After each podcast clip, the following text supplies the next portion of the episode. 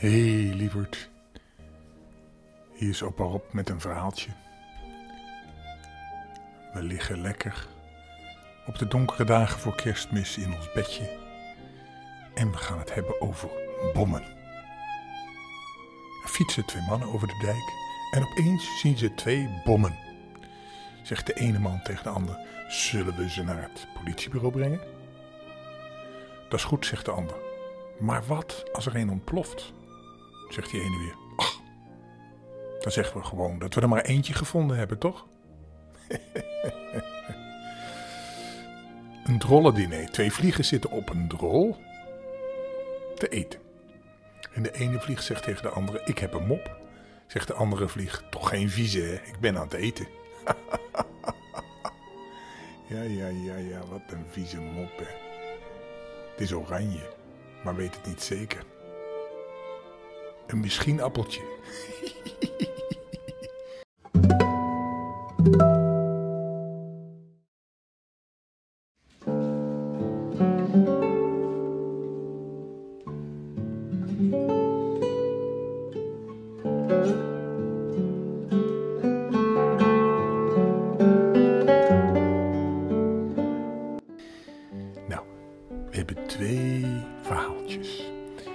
eerste verhaaltje is het verhaaltje van Tuil Eilenspiegel.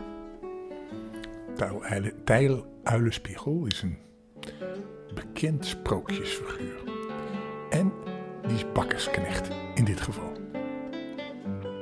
Eens had Tijl zich in Leuven kort voor de kerstdagen als bakkersknecht verhuurd. De bakker was blij dat hij voor die drukke tijd een knecht had. En zei al na twee dagen: Het deeg is klaar. Ik neem nog een dagje vrij om kennis op te zoeken. Jij moet vandaag maar bakken. Goed, baas, zei Tijl. Maar wat moet ik eigenlijk bakken? Wat is dat nou voor een vraag, zei de baas, kwaad om zoveel onnozelheid.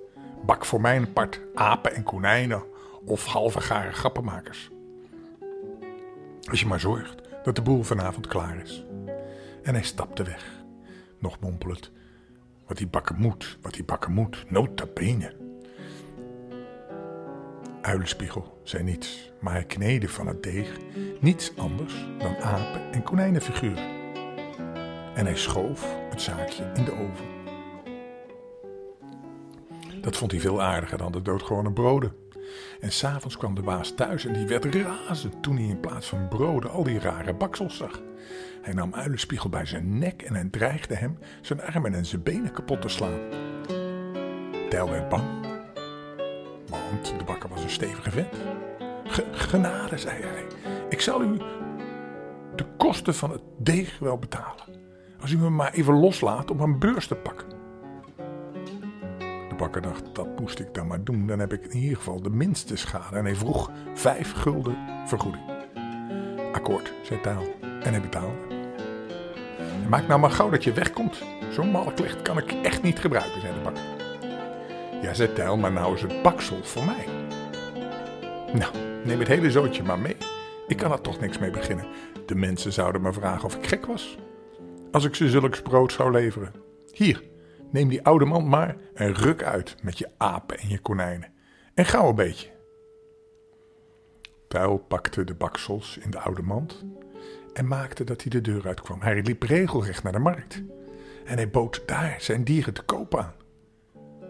En menigeen vond het best aardig om tegen de feestdagen zo'n aap of konijn voor de kinderen mee naar huis te nemen. En in een wip had Tijl al zijn vreemde broden voor een kwartje per stuk verkocht. Hij verdiende er dik aan. En hij liet de, lege onverschillig op de markt achter. Intussen had de bakker gehoord dat zijn rare knecht op de markt goede zaken maakte. En hij trok erop af om nu ook nog eens zijn vergoeding te eisen voor het gebruik van de oven en zijn brandstof. Maar toen hij op de markt kwam, vond hij zijn lege mand. Tijl was natuurlijk al lang weg. Had die bakker maar niet zo dom moeten doen. Had hij ze zelf maar moeten verkopen, toch? En er is nog een ander verhaal. Dat is een kerstverhaal. De fluit van de herdersjongen.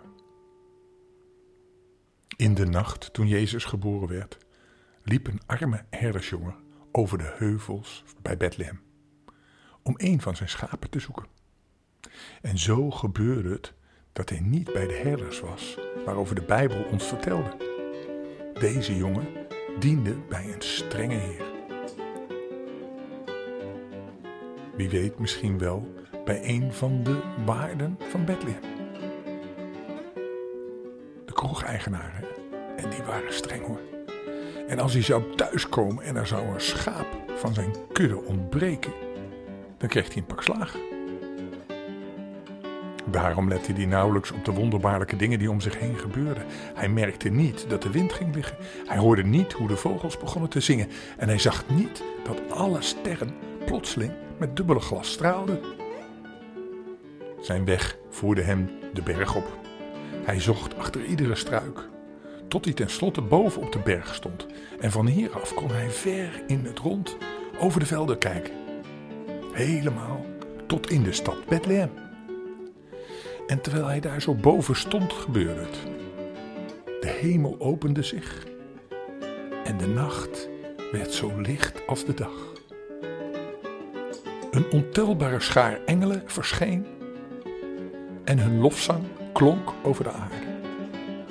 Ze zongen en ze schenen van het licht. Hoe groot dit wonder was dat in die nacht geschiedde, heeft tot op de dag van vandaag nauwelijks een mens begrepen. Daarom kunnen we het een kleine herdersjongen ook niet vergeven dat hij deze boodschap niet meteen begreep. Hij dacht alleen maar aan zijn zoekgeraakte schaap. Dat er vandoor gegaan was en hij wilde verder zoeken. Toen stond er plotseling een engel voor hem en die sprak. Maak je geen zorgen meer om je schaap. Op dit uur is een hele grote herder geboren. Ga snel naar Bethlehem, waar het Christuskind, de verlosser van de wereld, in een kribbe ligt. Voor de verlosser van de wereld, zei de jongen, voor hem mag ik toch niet verschijnen als ik hem geen geschenk kan geven. Hier, neem deze fluit en speel een lied voor het kind, sprak de engel en was op hetzelfde ogenblik verdwenen. Zeven tonen had die fluit en toen de jongen haar aan zijn lippen zette, speelde ze als vanzelf. Dankbaar en blij liep hij de berg af. Hij wilde over een beekje spreken, springen, maar hij struikelde en hij lag lang uit, zo groot als die was, tussen de kiezelstenen. De fluit viel uit zijn hand. Uit zijn mond ontglipte een woord dat misschien wel eens onder herders gebruikt wordt, maar dat je beter niet gebruiken kan. Mooi was het niet. Het was denk ik een vloek. En toen hij de fluit weer in zijn hand hield, was er één toon verloren gegaan. De fluit kon nog maar zes tonen spelen. Tijd om te huilen was er voor de, voor de niet. En bovendien werd het pad langzaam beter, dus liep hij snel, zo snel mogelijk door en ineens bleef hij staan. Vlak voor zich zag hij een grote wolf zitten, met ontblote tanden, klaar om te bijten. Dat was de lammetjesverslinder zelf. Daarom was de jongen zijn lammetje kwijt. De jongen werd woedend. Maak dat je wegkomt, riep hij. En voor hij er erg in had, had hij de fluit al naar de weg vluchtende wolf gegooid. En toen hij haar weer vond, kon de fluit nog maar vijf tonen laten horen. De herdersjongen was nu op de plaats gekomen waar de kudde steeds waren. Rustig lagen daar alle schapen en er heerste diepe stilte. Slechts één schaap liep blatend rond. De jongen wilde dat schaap binnen de omheining brengen. Hij rende er achteraan en omdat het schaap hem ontweek, gooide hij met wat hij juist in zijn hand hield. En dat was de fluit, die weer een toon verloor. Hij kon weer een toon minder spelen. Maar waar waren de andere herders dan gebleven? De jongen kon immers niet weten dat zij voor het kindje Jezus in de stal knielden.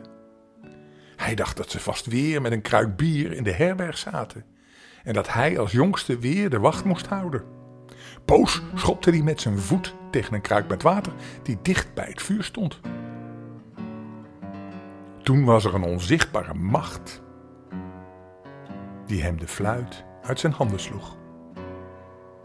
En toen hij haar weer opraapte, had hij nog maar drie tonen over. Daarop ging hij verder naar Bethlehem.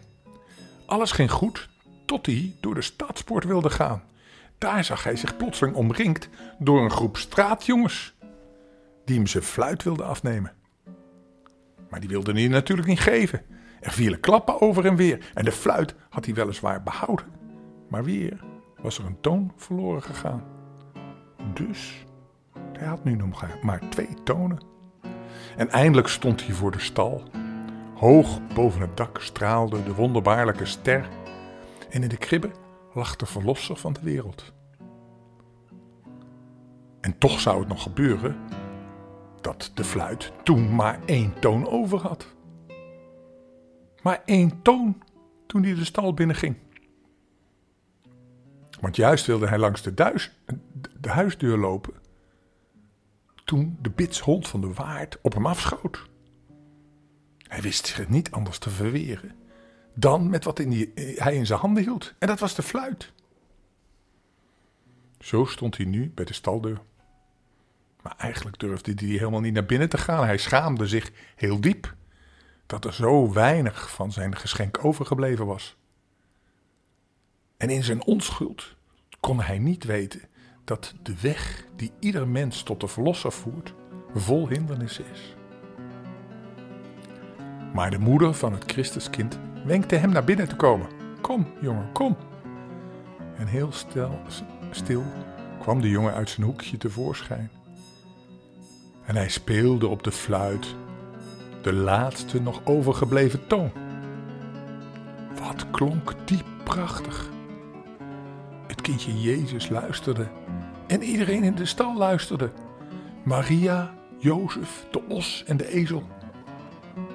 Het kerstkind strekte zijn goddelijke hand uit en raakte de fluit aan.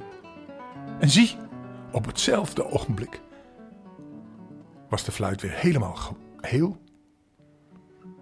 En de zeven tonen klonken weer zo mooi en heerlijk, zoals ze waarschijnlijk ook al in de hemel geklonken hadden.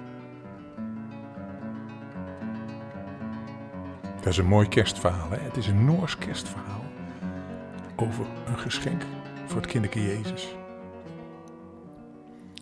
Een jongetje brengt het geschenk, de fluit, naar het kerstkind. Maar onderweg heeft hij heel veel, eigenlijk, uitdagingen.